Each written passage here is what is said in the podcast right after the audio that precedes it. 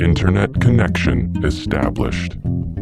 Hej, det här är podcasten Social by Default tillbaka igen och idag faktiskt med ett litet specialavsnitt. Men som alltid är det jag, Sara Larsson Bernhardt, som tillsammans med Deeped Niklas Strand driver den här podden. Vill ni kommentera avsnittet eller har idéer för framtida avsnitt, twittra till oss med hashtaggen Social by Default eller prata med oss på vår Facebook-sida alternativt vårt Instagramkonto. Hej Sara! Hej Niklas! Hur är det? Det är bra. Det är lördag förmiddag och eh, spännande podd framför oss. Dagen innan Lucia är det. Mm. Och i år är det ju lite annorlunda. Så, så att säga, en av årets bästa dagar brukar ju vara när Svenskan och internet släpps för Mm. oss som gillar sånt. Och nu har ju det skjutits fram tills nästa vecka. Ja, När vi spelar in då. När ni hör den här så är det förhoppningsvis samma dag som den släpps. Ja, om vi har gjort allt vårt rätt så ska den ju släppas samma dag. Ja, precis. Men spännande att vi har fått möjlighet att läsa i år igen faktiskt. Jättekul. Tack så hemskt mycket Internetstiftelsen. Årets Svenskan och internet är ju också lite speciellt. Dels för att vi har gått igenom en hel coronapandemi, vilket självklart har påverkat vår användning och det kommer vi märka när vi går in och tittar lite grann på siffror. Eh, man kan väl någonstans säga att 2020 har varit året som chockdigitaliserade svenskarna. Vi kommer ju självklart, som ni förstår, titta mest på sociala medier. Men, men generellt så kan man se i den här undersökningen att allting har gått uppåt i användning. Och chockdigitalisering är ett väldigt bra ord. för väldigt många. Och, och det kan man väl bara se på åt både du och jag. Det- man sitter hemma och jobbar. Mm. Man har liksom upp, uppgraderat sina grejer för att kunna vara med i dessa eviga och ständiga digitala möten. Man reser inte längre. Man har förändrat sin träning. På många, åtminstone jag som inte går på gym sedan i mars. Nej, men man har ju förändrat sin vanliga livsstil, har man ju tvingats förändra, vilket gör också att vi har någonstans börjat använda många fler digitala verktyg generellt Mm. sett. Eftersom vi har varit mer ensamma, vi har varit mer isolerade och eh, vi har inte kunnat vara i vår vardag på det sättet som vi har varit vana vid före pandemin. Nej, Och det här, det här självklart visar ju sig i de här siffrorna. Mm. Och du har börjat nätshoppa mycket mer. än Mm, du, tyvärr. Du har ju alltid sagt att jag är inte nätshoppare. Men du har gjort det. Jag har nätshoppat mycket mer än dig. Alltså, visst, jag har ju inte haft samma inställning som du har haft för, till nätshopping. Men jag har ju ändå också varit lite sådär, men det är bättre att gå och handla när man får det i handen än vänta på det. Men min Black Friday var ju den första gången jag nästan tappade bort allt jag hade beställt. Ja, men det, här är ju, det här är ju så roligt för han är så här, åh, jag sitter hemma och jobbar, jag sparar massa pengar på att inte liksom, köpa bensin eller eh, åka kollektivt eller ja. äta dyra luncher och sådär. Och sen bara, åh, internetshopping, ja men här kan vi göra slut på lite pengar och visst sjutton har man lika lite i plånboken kvar varje månad ändå. Nej, men så det är intressant. Och, och du har eh, liksom börjat använda Apple Pay. Mm. Vilket Äntligen. var satt långt inne. Så jag menar, det, alla de här små delarna har ju självklart förändrat digitaliseringen Mm. hos oss. Hur har den här gått till då? Om vi tar det så att folk får någon sorts grund. Nej, men vanligtvis så brukar svenskarna och internets undersökning ske under första kvartalet. Man gör helt enkelt en frågeundersökning där folk får uppskatta sin användning av olika digitala tjänster och framförallt då sociala medier om vi ska titta från vårt perspektiv. I år har de gjort två undersökningspunkter. En gång under första kvartalet och då precis före hela coronapandemin slog till. Men för att vi då ska få siffror att jämföra med så har de gjort ytterligare en undersökning nu efter sommaren. Och det här är ju fantastiskt roligt för då kan vi verkligen jämföra första kvartalet med tredje kvartalet och hur den här förändringen har varit och sen också titta på då året innan för att kunna jämföra 2019 första kvartal med 2020 första kvartal för att se liksom hur en vanlig förändring sker och vad då som har hänt efteråt. Så det här är ju fantastiskt spännande. Mm. unprecedented times även för eh, svenskarna och internet. Det är spännande att se förändringen, mm. att, att, pandemin har påverkat så pass mycket. 96 procent av Sveriges befolkning använder internet. Mm. Det är mycket. Det är bisarrt. Både du och jag har varit med länge. Jag har ju skrivit om internet i 15-16 år ish, till och med mer. Och kommer ihåg hur till oss vi blev när det var över 50 procent. Mm. Och nu är vi så nära 100 procent vi antagligen kan komma. För alltså, internet har blivit lite som syre för den, stor, den största majoriteten av oss. Det är liksom en total integrerad del av hela vår livsstil. Och självklart då så har ju sociala medier ökat rejält också. Vi kommer gå in på det längre in i rapporten, men framför allt så har ju det ökat då med ungefär 2 procentenheter från 87 procent som vi såg i första kvartalet, som var en ganska förväntad ökning från året före. Men just det här liksom att det har gjort ett hopp upp till 89 procentenheter i tredje kvartalet. Så det är en mm. ganska markant ökning. Och här får man ju tänka, för det kan man ju tycka, men vadå, 2 procent är ju inte så mycket. Men när man ligger på så höga siffror så mm. är de små procentenheterna dels väldigt mycket och man är i en mättnadsfas statistiskt sett. Mm. Vilket innebär att de här sista delarna är både stora och liksom svåra. För det är oftast de sista som egentligen inte vill kanske eller verkligen inte kan som till slut tar klivet in. Mm. De som har tvingats till det på grund ja. av omständigheter. Eller helt enkelt förändrat sitt val. Eh, så, så det är en stor förändring. Men du och jag ska ju gå igenom sociala medier. Men mm. för att vi någonstans ska sätta scenen så behöver vi titta på lite fler digitala plattformar runt omkring och se hur den här förändringen har skett. Och när du har läst den här rapporten, vad, vad känner du? Vad ser du i den när man liksom bortser från de sociala kanalerna och tittar på andra digitala medier? Digitaliseringen pågår ju verkligen i mediebranschen. Papperstidningsanvändandet sjunker konstant. Det traditionella tv-tittandet sjunker ju också, även om så att säga, det tar lång tid. Man ser att Play TV-tjänsterna, alltså SVT mm. och de är större än det mer traditionella tittandet. Eh, åldern för de som tittar på ång-TV är 66 år och uppåt. det innebär ju att jag menar, de här kanalerna behöver ju ställa om i slutändan. När man tittar på just när du säger 66 år och uppåt för, för liksom traditionell tv-tv, vad tror vi att det framförallt beror på att man inte har uppgraderat sin TV så att man har tillgång till Playtjänsterna på den stora skärmen, medan man använder sin liksom, smartphone eller iPad kanske för mer digitala tjänster snarare än tv-tittandet. Jag tror säkert det. Sen tror jag säkert det finns en del av att eh, nu när många av de, i den här gruppen isolerar sig mycket mer så mm. skaffar de sig en Chromecast eller en Apple TV eller någonting och plötsligt så finns ju all tv där plus allt annat också. Mm. Därför vi, vi har ju en korrelerande ökning av användning av streaming, av alla sådana delar i den här åldersgruppen. Så jag menar det där som vi har kämpat med, nu händer det liksom. Papperstidningar kommer liksom verkligen dö ut. Ång-tv kommer inte vara det, det självklara. Det är väl en sak. Poddlyssnandet har mm. ökat kraftigt. Även om daglig lyssning ligger någonstans vid 13 procent så är det hela 68 procent av alla internetanvändare som någon gång uppger att de lyssnar på en podd. Och det är ju verkligen intressant där då den yngsta målgruppen och upp till 45 ligger på över 80 procent. Men det här tycker jag är, är, lite spännande, för jag vet ju att vi diskuterade i början, eh, runt mars någonting, när folk började stanna hemma, när det liksom slog till på riktigt, att vi märkte en liten, liten, åtminstone upplevd dipp i poddlyssnandet. Mm. Mycket kanske på grund av att man tvingades att jobba hemifrån och inte hade sina normala rutiner, att man pendlade till jobbet och det kanske var liksom ett normalt poddlyssnande. Man gick mm. inte på gymmet på samma sätt för att i början så var ju folk faktiskt inte där. Det är ju ganska fascinerande då att det har både svängt om och dessutom ökat. Att man har hittat nya rutiner där podden har blivit en naturlig del. Och jag tror att det kan man ju se i antalet poddar som har startats och, och mm. lite som jag säger att jag känner igen situationen vi har idag i poddbranschen är den situation vi hade 2005-2006 i bloggbranschen att alla ska podda mm. just nu. Det hänger ju ihop med att det finns många som också vill lyssna självklart. Så den andra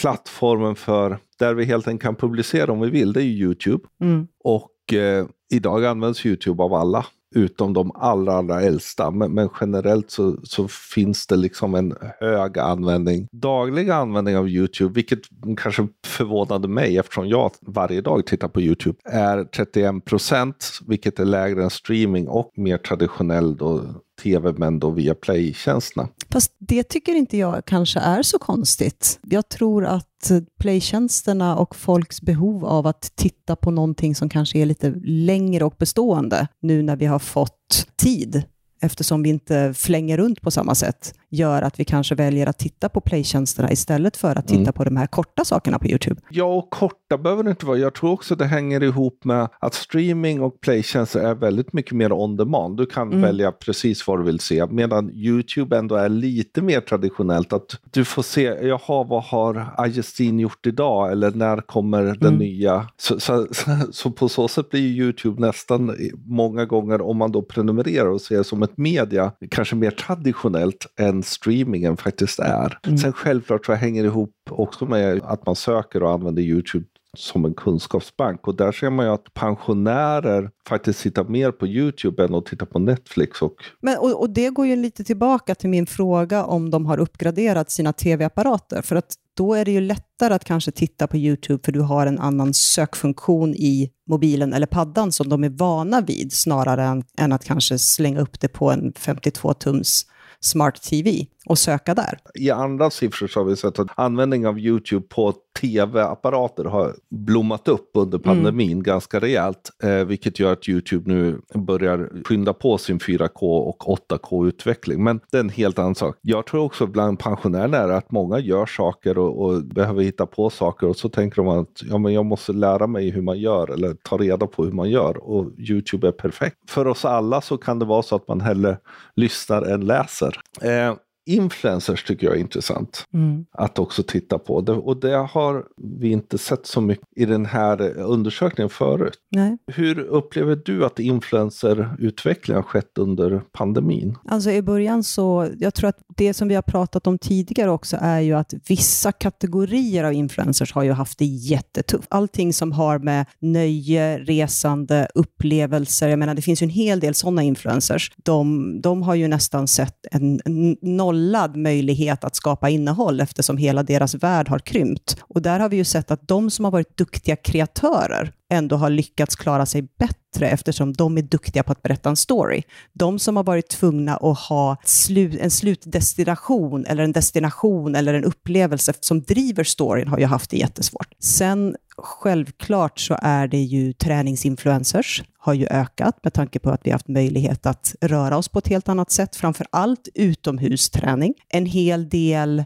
inredningsinfluencers. Vi har ju sett en boom när det gäller att börja liksom inreda våra hem och så. Tech-influencers, de har ju ökat och, mm. och exploderat under den här utvecklingen. Som helhet så tror jag att hela influencerbranschen har fått en, en gungning när det gäller vilka är det som har fått ta plats där mm. pandemin har drivit det väldigt mycket. Lite som du är inne på också så, så tror jag att vi har sett att de som är snabba att ställa om mm. och tänka om och faktiskt som du säger har ett kreativt sinne och inse vi är här för att underhålla, inte för att göra precis vad vi vill. De, de har klarat sig ganska bra. Men jag tror att det här är nästan någonting vi skulle prata lite mer om, den nya influencervågen som vi ändå kommer att se. Det man mm. ser i undersökningar är ändå att det påverkar och det påverkar kvinnor. Det är dubbelt så många kvinnor generellt som säger att de har eh, påverkats av influenser under gångna året än det är män att köpa någonting. Bland den yngsta åldern är det liksom hälften av användarna som säger att de påverkas av influenser. Så influencern har ju makt. Mm idag på ett sätt som vi inte har sett förut. Och där, där tycker inte jag det är så konstigt när man tittar just ålder 16 till 25, att mer än hälften påverkas av influencers, det är ju en del av deras vardag, att ha dem Ja. integrerade i sin sociala medieanvändning framför allt. Så det, är inte, det är inte så jättekonstigt. Och helt enkelt börja se influencers på samma sätt. Framförallt de stora, att de är de kända och så sen mikros som ändå man följer för att Mm. blir en sorts pseudovänner. Det intressanta är då att det är bland kvinnor, bland män är det väldigt mycket lägre. Men bland män så ser vi en, en ganska markant högre grad av att man är Patreon eller helt enkelt skickar direkt till en upphovsman. Ja, sponsrar. Även om det är en, fortfarande är låg, det är 7 av internetanvändarna som gör det, så är det markant många fler män som gör det. Självklart så finns Swish-journalistiken här i, i någonstans, några av de få. Men också sen att sponsra sin eh, favorit Twitch-användare, någon favorit podcast. För visst är det så att, att Patreon-biten har drivits ganska mycket från Twitch-användare, där du har en hög andel män som tittar, så det finns en större vana att bli Patreon kanske i den sfären, som sen då trillar över i, i poddandet eller i sociala kanaler på ett annat sätt. Ja, delvis. För Twitch har ju en egen form av, av Patreonism också. Men, men jag tror dels handlar det om att män, manliga kreatörer som ligger inom tech, foto, spel, alla sånt där, väljer det här sättet än att hålla på och rodda med massa samarbeten. Medan kvinnor väljer samarbeten och ser det som en bättre väg att gå. Och det, det är liksom en intressant utveckling som vi får hålla lite koll på. Hur många Patreon ligger du och, och sponsrar just nu? Ja, Jag har plockat bort en del. Dock så är jag ju självklart Patreon på din och min favoritpodd. Darknet Diaries. eh, vilket innebär att jag får en massa spännande extra avsnitt och njuta av. Ändå, jag förstår att det är så pass lågt. Det, för det är lite knöligt, det är lite sådär man känner, ska jag gå in och betala en prenumeration igen? Ja, en av många. Jag läste precis en artikel där Patreon är ju störst i världen. Men Onlyfans, som delvis startade bland företrädes kvinnor som säljer något lättklädda bilder, Men det är så här, ökar please pay all... in bitcoin, eller? Den ökar för alla nu, därför de breddar nu hela scopet, vilket då självklart oroar den grupp eh, som då har använt det för att sälja eh, hud. Mm. Att det ska bli liksom att man inte får göra det längre. Och där har vi faktiskt, som vi nämnde för kanske en eller två poddar sedan, Facebook har också börjat med någon liknande del när man kan köpa stjärnor som man ger kreatörer. Alltså man betalar Facebook för att köpa stjärnor som att sen ge stjärnorna till kreatörerna som då får en liten betalning. Ja. Eh, kan ju inte påstå att det har exploderat riktigt, men de försöker Nej. väl.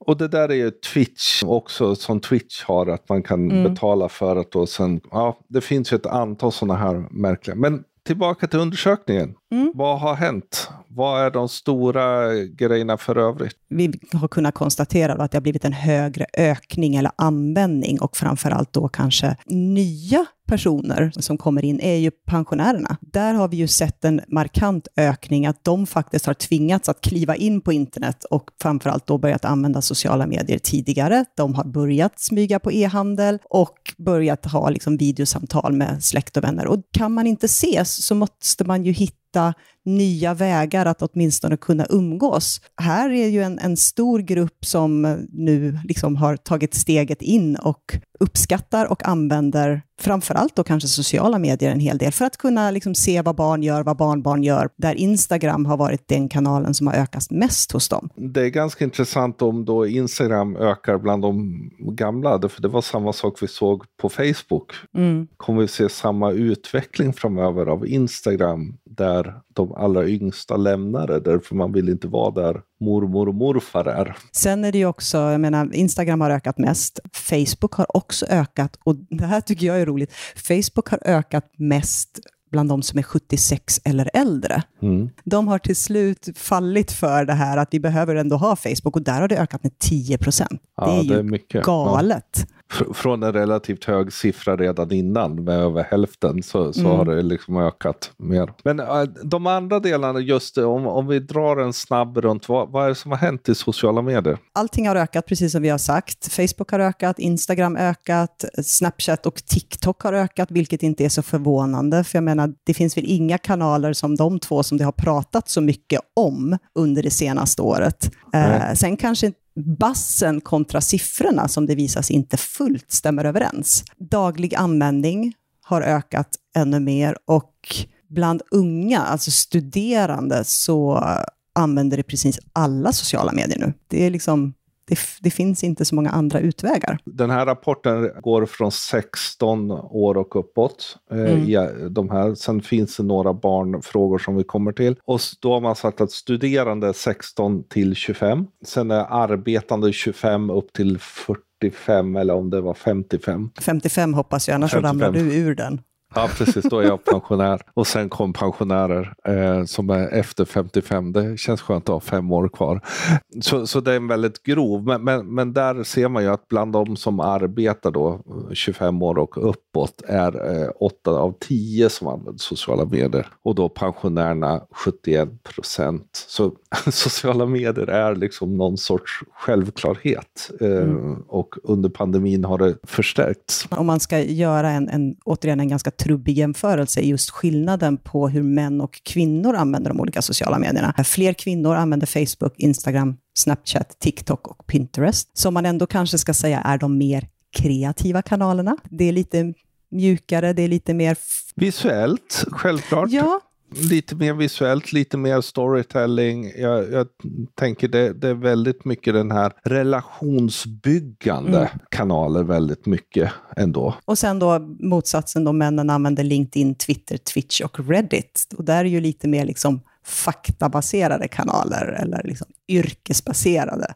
Ja. Det, och fan för att det är så, men eh, siffrorna visar ju det. Jag kan ju, sen finns det ju de som självklart går mellan och vi använder dem på olika sätt, men jag kan bli, jag kan bli lite trött på att våra beteenden är så synliga emellanåt även här. Ja, ja det är fascinerande, och, men det är förståeligt om man då gör någon sorts liksom, så här gender-sätt. Eh, liksom, att, LinkedIn är ju inte speciellt personligt. Twitter är ju egentligen inte så personligt för de flesta. Eller det, man kan gömma sig bakom massa fakta och bråka mm. och diskutera politik och sådana saker som, som tenderar ändå att vara någon sorts det män gärna gör, att man gömmer undan sin personliga del. Och, mm. Men, och, jag, och jag tänker också på det här liksom där man brukar säga att kvinnor är sina samtal och relationer medan män är sina aktiviteter. Och det mm. blir lite samma sak. Sen, mm. sen är det självklart ett väldigt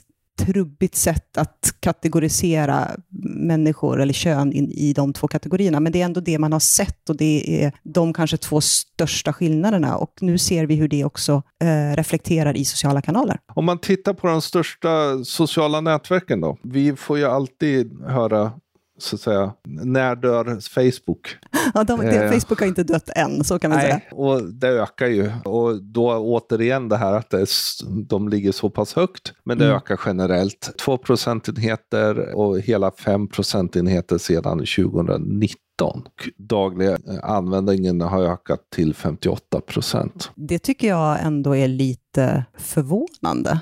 Men, men det beror ju på också att vi har ju börjat använda alla kanaler väldigt mycket och vi har börjat använda användningen av kanalerna ännu mer. Så det, men jag är förvånad över att det har ökat så mycket som 4% daglig användning. Jag trodde att vi skulle se en större ökning på de andra plattformarna medan Facebook kanske låg lite mer stabilt de andra plattformarna har ju ökat, men jag tror det mm. hänger ihop med isolering och social distansering. Att någonstans så är ändå Facebook en go-to för sin personliga relationer, för att liksom prata med de äldre, vilket innebär också att de äldre har börjat använda. Mm. Även om Instagram också tagit mycket av det här. För åldersgruppen har ju ändrat sig ännu mer på Facebook. Den arbetande gruppen har för första gången gått över den studerande gruppen i användning. Mm. Så ja, de yngre använder inte Facebook på det sättet. Sen använder de det, men inte alls i den grad som för tio år sedan. Eller någonting sånt. Så den är för den lite äldre målgruppen, självklart. Det är, de som, det, det är vi som är där fortfarande på många sätt. Medan hos den yngre målgruppen är det Snapchat och Instagram som är de större 16 till 25. Mm. Men där Snapchat sjunker markant efter 26.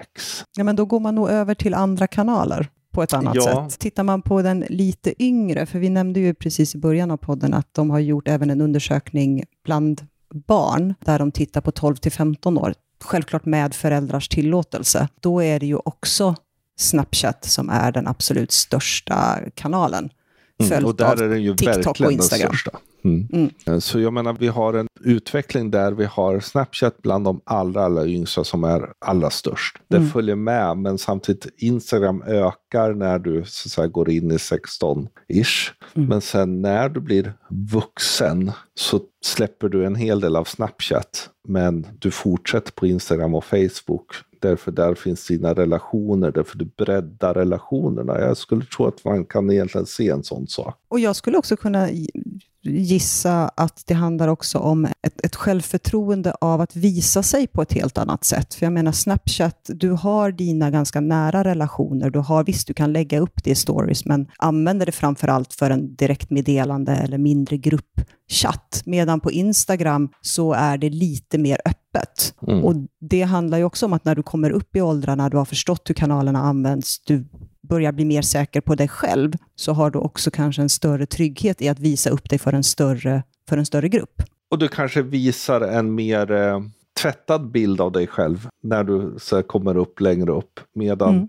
Snapchat är fortfarande, du umgås ändå med dina polare och polares polare och det blir någon sorts liksom så ful man kan vara. Liksom. Mm, verkligen. Många tror att Snapchat totalt har försvunnit, märker man i diskussionen, men där Snapchat verkligen fortfarande håller kvar fram till faktiskt ändå fram till 35, ganska hög grad användning. Vilket jag som performance marketer tycker är väldigt intressant eftersom det påverkar hur jag kommer framöver se hur vi ska göra marknadsföring självklart. Mm. För jag menar, där behöver vi ju sätta de här kanalerna i ett perspektiv. Och jag tror att som företag är det fortfarande extremt svårt. Sen beror det ju på också vad du har för liksom, affärsidé. Har du en affärsidé som vänder sig till väldigt, väldigt unga så kan du klara av att ha en närvaro där. Men det är fortfarande svårt. Men där blir ju den köpta delen extremt intressant att Mm. faktiskt titta på. Snarare än kanske en daglig användning eller daglig närvaro som företag eller Mm. varumärke. Och framförallt för skolor, eh, sådana som faktiskt kan informera i alla fall till de som är un- under 18, behöver man titta på Snapchat och TikTok som plattformar för att jo- jobba med sådana saker. Mm. Om man tittar på eh, Snapchat, TikTok, men också tittar på TikTok versus Twitch, om vi behåller oss i den här lite yngre målgruppen fortfarande, eh, och nu pratar vi då 16 uppåt, eh, där ser vi också lite samma uppdelning som vi gjorde bland de äldre i våra tra- mer traditionella sociala kanaler, att där vi ser att det är fler tjejer som håller till på TikTok och fler killar som håller till på Twitch återigen kanske inte speciellt förvånande, men, men det blir väldigt markant i den här undersökningen. Jag tycker det intressanta runt TikTok är att vi har, det, har, det har ju varit så otroligt mycket diskussioner om det, både utifrån att det är kinesiskt och man ska, ska inte använda det, men också den extremt snabba ökningen som har pågått. Och att samtidigt inte användningen är, den är ju inte så där vansinnig förutom bland, bland de riktigt unga. Nej, där har ju någonstans media gjort en upplevelse av kanalen att vara större, ha en större användarbas än vad den egentligen har. Jag menar, där har Ja. vi även sett på, på LinkedIn folk som eh, har gått ut och tyckt att nu, men nu, som, nu ska ni som företag börja använda TikTok och det är jätteviktigt och sådär. Ja, fast när man ser de här siffrorna så återigen, nej, det kanske finns andra kanaler som vi ska satsa mer på för att vi kan få en större utväxling. Framförallt om man dessutom tittar på att vi får inte lov att göra reklam eller marknadsföring till väldigt unga, där vi har en väldigt, väldigt ung användarbas på TikTok. Jag, jag tror mycket av det här ligger i någon önskan att det alltid ska komma något nytt, nytt som ska slå ut det gamla. Alltså den lite den här, någon sån här grundläggande jungiansk arketyp av att nu kommer underdog och slår ut den gamla stora Facebook. Det är liksom, men det har inte hänt. Och återigen behöver man... En annan sak är ju just det här att 26 till 35-åringarna har också förändrats lite i användning där Facebook och Instagram dagligt ligger precis lika. Och, och där är det ganska intressant. Men här också tycker jag just den ålderskategorin, en annan kanal som har varit en liten underdog, som vi inte har tittat så mycket på, mer liksom hållit koll på, har ju varit Twitter, där det helt plötsligt visar sig att Twitter Twitter i de yngre åldrarna är mycket, mycket större än vad vi kanske hade förutspått. Ja. Och, och, Det är svårt för oss som är äldre att hitta in i de Twitterklustren, men som sagt, med tanke på att det är så pass många yngre som använder det och också ser till Twitters utveckling nu framöver, där de precis igår eller förrgår annonserade att man nu ska kunna dela sina tweets in till sin Snapchat-story, eller att du ska dela dina tweets in till Insta-story, visar ju på att Twitter har ju sett den här unga målgruppen och den användningsbasen ganska länge. Här tror jag vi har en eh, hemläxa att göra, väldigt många av oss marknadsförare också, att eh, Twitter kanske inte är den, den där media och opinionsbildarkanalen som vi ska jobba med, utan har vi möjligheten, framförallt jobbar vi med tech, jobbar vi med sådana saker så kan jag se utifrån de jag följer inom techbloggarna att Twitter är det go-to som de har. Mm väldigt mycket. Självklart när vi ser de här siffrorna så gäller ju det uppenbarligen i Sverige också. Men man ser dem väldigt sällan. Man ser dem när det kommer det här saker som inte hänt grejer. Därför det tenderar att vara bara massa kids som hänger runt där och ska säga sådana saker. Då dyker de upp i ens flöden men annars ser man dem inte därför det är väldigt avgränsat. Och det mm. här mm. pratade ju också Hampus om för många år sedan när han gjorde Twitter Census. De starka klustren. Mm. Vi har nog en del att fundera över. Sen generellt utifrån performance eh, så är Twitter jättesvårt att jobba med med annonsering därför det är så fort. Men i och med fleets, i och med alla de här delarna så ja, självklart dags att titta på Twitter tror jag.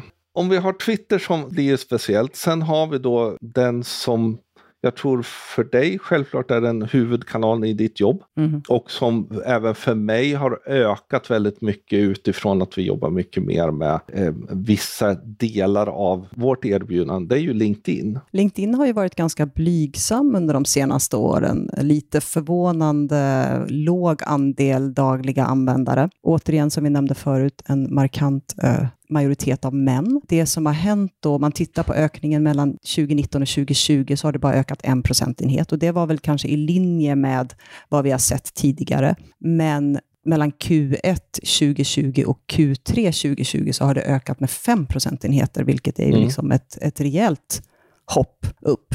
Här är det intressant att fundera om det kan vara en ganska markant pandemipåverkan. Effekt, ja. ja. Alldeles säkert. Därför dels så tror jag att många har gjort som vi kanske har gjort, att insett att alla de här eventsen och evenemangen och har blivit tvungna att ställas in och en hel del av dem har med företagare att göra, har med investerare och annat att göra. Helt mm. enkelt folk man förut har nått och skakat hand med och att LinkedIn blir go-to utifrån att det är vår rollbaserade plattform. Jag upplever också att det är ganska många egenföretagare, många konsulter som har ökat sin användning markant där, eftersom man behöver helt enkelt bygga sitt varumärke på ett helt annat sätt för att kunna mm. få business, eh, som har varit tuffare såklart, i en situation där väldigt många företag har dragit ner på konsultanvändandet och då kanske mycket egenkonsulter. LinkedIn, där, där man också har sett att de arbetssökande, det är dock en väldigt svår grupp att mäta i det här, men de har använt det mindre. Mm. Samtidigt så tror jag egentligen att det är högre, men, men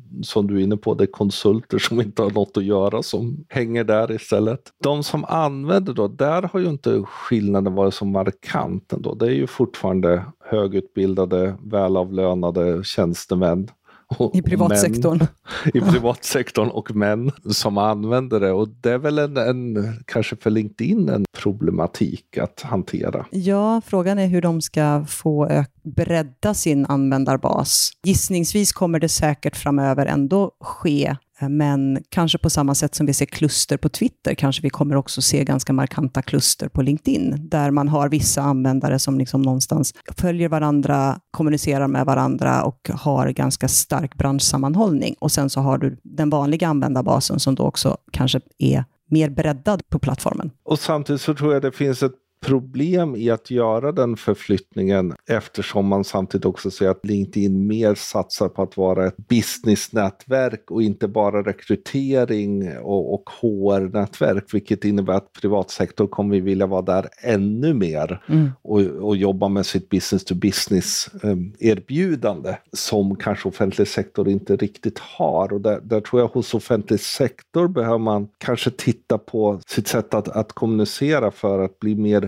business to business ändå. Men den är väl kanske den som, även om det har gått upp mycket, så är det ju fortfarande en relativt liten plattform jämfört med de andra och samtidigt ganska viktig utifrån sitt rollperspektiv. Ja men precis, och det här behöver vi också titta på att det är ju en extremt hög användning då i en, en viss kategori, yrkeskategori och just tjänstemän högutbildade, medan de andra kanalerna har en mycket bredare bas, vilket mm. gör att de generellt sett får en högre användning. Mm. Men just också att den, den dagliga användningen är så låg mm. är, är, ju liksom, inte oros, men, men någonting som är intressant. För där tror jag det finns en myt att det används mycket mer dagligen än det de facto gör. Här blir ju spännande då att se nästa års siffror, ju med tanke på att LinkedIn då har lanserat stories. Och om man kanske har haft svårt att göra uppdateringar dagligen för att man inte riktigt känner att man är bekväm i att skriva på samma sätt, för det är ändå en högre tröskel att vara proaktiv och en contributor på plattformen, så kan vi ju se hur stories förändrar det. Om det blir mm. så att det blir en högre daglig användning av skapat innehåll i och med att stories finns än om det kommer ligga kvar. Sen är det ju några grejer som är kvar och det är ju chattandet. Och där ser man ju att WhatsApp har också ökat ganska markant i användandet. Eh, och samtidigt då Facebook Messenger är fortfarande väldigt stort. Och även om det kanske för oss som marknadsförare och kommunikatörer lite, lite ibland ligger lite utanför så är det ju det vi brukar prata om att community making men också customer support och så så är ju där det finns och det behöver man ju, det får man ju inte glömma bort och här ser vi att Nej. användandet ökar markant. Jag menar WhatsApp ligger liksom i ett användande bland arbetande över 50 procent. Och extremt få i Sverige som har tittat in, inklusive mig, säkert dig, som tittat mm. in WhatsApp business. Är det någonting vi faktiskt behöver börja titta på? Jag har eh, ett antal marknader som är extremt aktiva på WhatsApp. Fortfarande är ju det en relativt sluten community. Vi får ju se hur det utvecklas nu när allting ska eh, merga ihop till ett och samma, om inte nu lagen säger att Facebook måste splitta på de här plattformarna. Men också låtit WhatsApp vara väldigt mycket marknadsspecifikt. Att har du en, en stor användarbas på en marknad så får de lov att driva den ganska mycket på egen hand. Sen är, är det ju svårt kanske i, i Sverige. Vi har en hel del användare av WhatsApp, framför allt många grupper som kommer från Mellanöstern eller kommer ner från Afrika, som använder det på ett helt annat sätt än your average svennebanan. Eh, men mm. det kommer ju också förändras och det innebär att vi som företag behöver titta på det. WhatsApp används ju ganska mycket i, i arbetsgrupper mm. och sådär, för det är enkelt, det finns för alla plattformar, antagligen också känns det lite mer säkert och man vill inte blanda ihop liksom mormor. Och, så den är väl värt att titta chatta på den. Den ökningen är ju inte lika markant som den har varit förr om åren i användandet och vikten under det här. Det har ökat men inte jättemycket. Nu när du har läst den här rapporten, om du ska ta det mest förvånande som du ser i den, vad skulle du identifiera då? Det som liksom fick dig att studsa lite grann? För mig är det nog tre saker. Det första, det är kanske inte förvånad men mer att eh, jag kan tycka det är lite skönt att jag, jag fick rätt. Det är att eh, TikTok inte har ökat på det så liksom, det har ökat jättemycket. Men, men det är inte den där liksom varje dag-användandet som liksom slår Facebook som en del har eh, gärna velat få det till. Den andra är egentligen gentemot de yngre målgrupperna där jag trodde att Snapchat skulle vara högre i så att säga, den lite äldre målgruppen. Mm. Även om den är hög, upp till 35, så trodde jag att den skulle vara, faktiskt vara ännu högre eftersom vi har sett att Snapchat har flaggat för väldigt bra utveckling. Och sen självklart utmaningen med Twitter, där, där det såklart visas att det finns en, ett kluster som vi har totalt bortsett ifrån Mm. eh, av de, de studerande. Och, och det här tror jag på, framförallt Twitter-delen kommer nog påverka min vår en hel del, Mm. känns det som. Vilka var dina? Nej, men jag, jag håller faktiskt med. Jag, lite som du säger att TikTok är stort, men inte så stort, inte i, i paritet med det basset som har varit runt TikTok, tycker jag, och framförallt Twitterklustret. Det tycker jag är förvånande och eh, med tanke på utvecklingen då, dela till Snapchat och dela till TikTok och Instagram och sådär, gör att det blir väldigt intressant att åtminstone dyka ner i. Sen om man ska titta på det som inte var förvånande, men som jag tycker var väldigt roligt, är faktiskt att se hur många äldre det är som äntligen ser fördelarna med det och inte är lika rädda för det. Och nu pratar Mm. jag pensionärer och uppåt och framförallt kanske 76-plussare Mm. som äntligen någonstans i den här påtvingade ensamheten har hittat plattformarna för att ändå vara en del utav en gemenskap eller ett digitalt samhälle och kunna nå ut till sina familjer. Och det gjorde mig väldigt glad när jag läste den här undersökningen faktiskt. Det blir ju intressant att se hur det utvecklar sig nu när vi åtminstone börjar ana att vi får ett vaccin. Vi börjar ana att det även om det kanske tar ett halvår, ett år till innan den här situationen är, att vi är någonstans in, in i någon sorts mer normal social situation. Är ju för, kommer det hålla i sig eller kommer vi, vi se en, att man går tillbaka till det vanliga sättet? Jag tror ju inte det. Det kommer hålla i sig. Eh, framförallt bland de äldre, men också den intressanta långsiktiga påverkan på dels på Facebook utifrån att då fortsätter vi se den här utvecklingen av att man faktiskt börjar använda Facebook när man blir äldre kommande fem åren. Eller så kommer man ta med sig Snapchat och Instagram, att det är det som är preferable platforms om fem år. Så, så det är en, en intressant utveckling att fundera över. Mm. Och det är ju någonting som vi antagligen kommer återkomma till framöver. Mm. Jättetack för att vi fick lov att läsa den här rapporten. Hoppas ni har uppskattat avsnittet. Vi lägger ju självklart in länken till originalrapporten där ni kan ladda ner den och titta själv på massor med spännande data. Hela rapporten i sig är ju på 180 sidor ungefär och där kan det täcker in hela digitaliseringen. De hittar ni på podcast.socialbydefault.se. Glöm inte att prenumerera på oss. Vi finns på Spotify, Apple Podcaster, Soundcloud, Acast och Stitcher och det är bara att söka på Social by Default. Och Vill ni diskutera det här så kommer vi självklart diskutera det här väldigt mycket när den släpps. Följ oss på våra sociala kanaler. Vi finns på Instagram, vi finns på Facebook, vi finns även på Twitter som Social by Default. Vill man prata med oss personligen så heter jag Deeped överallt. Och jag heter Sanasi LB överallt. Ha det gott! Hej då!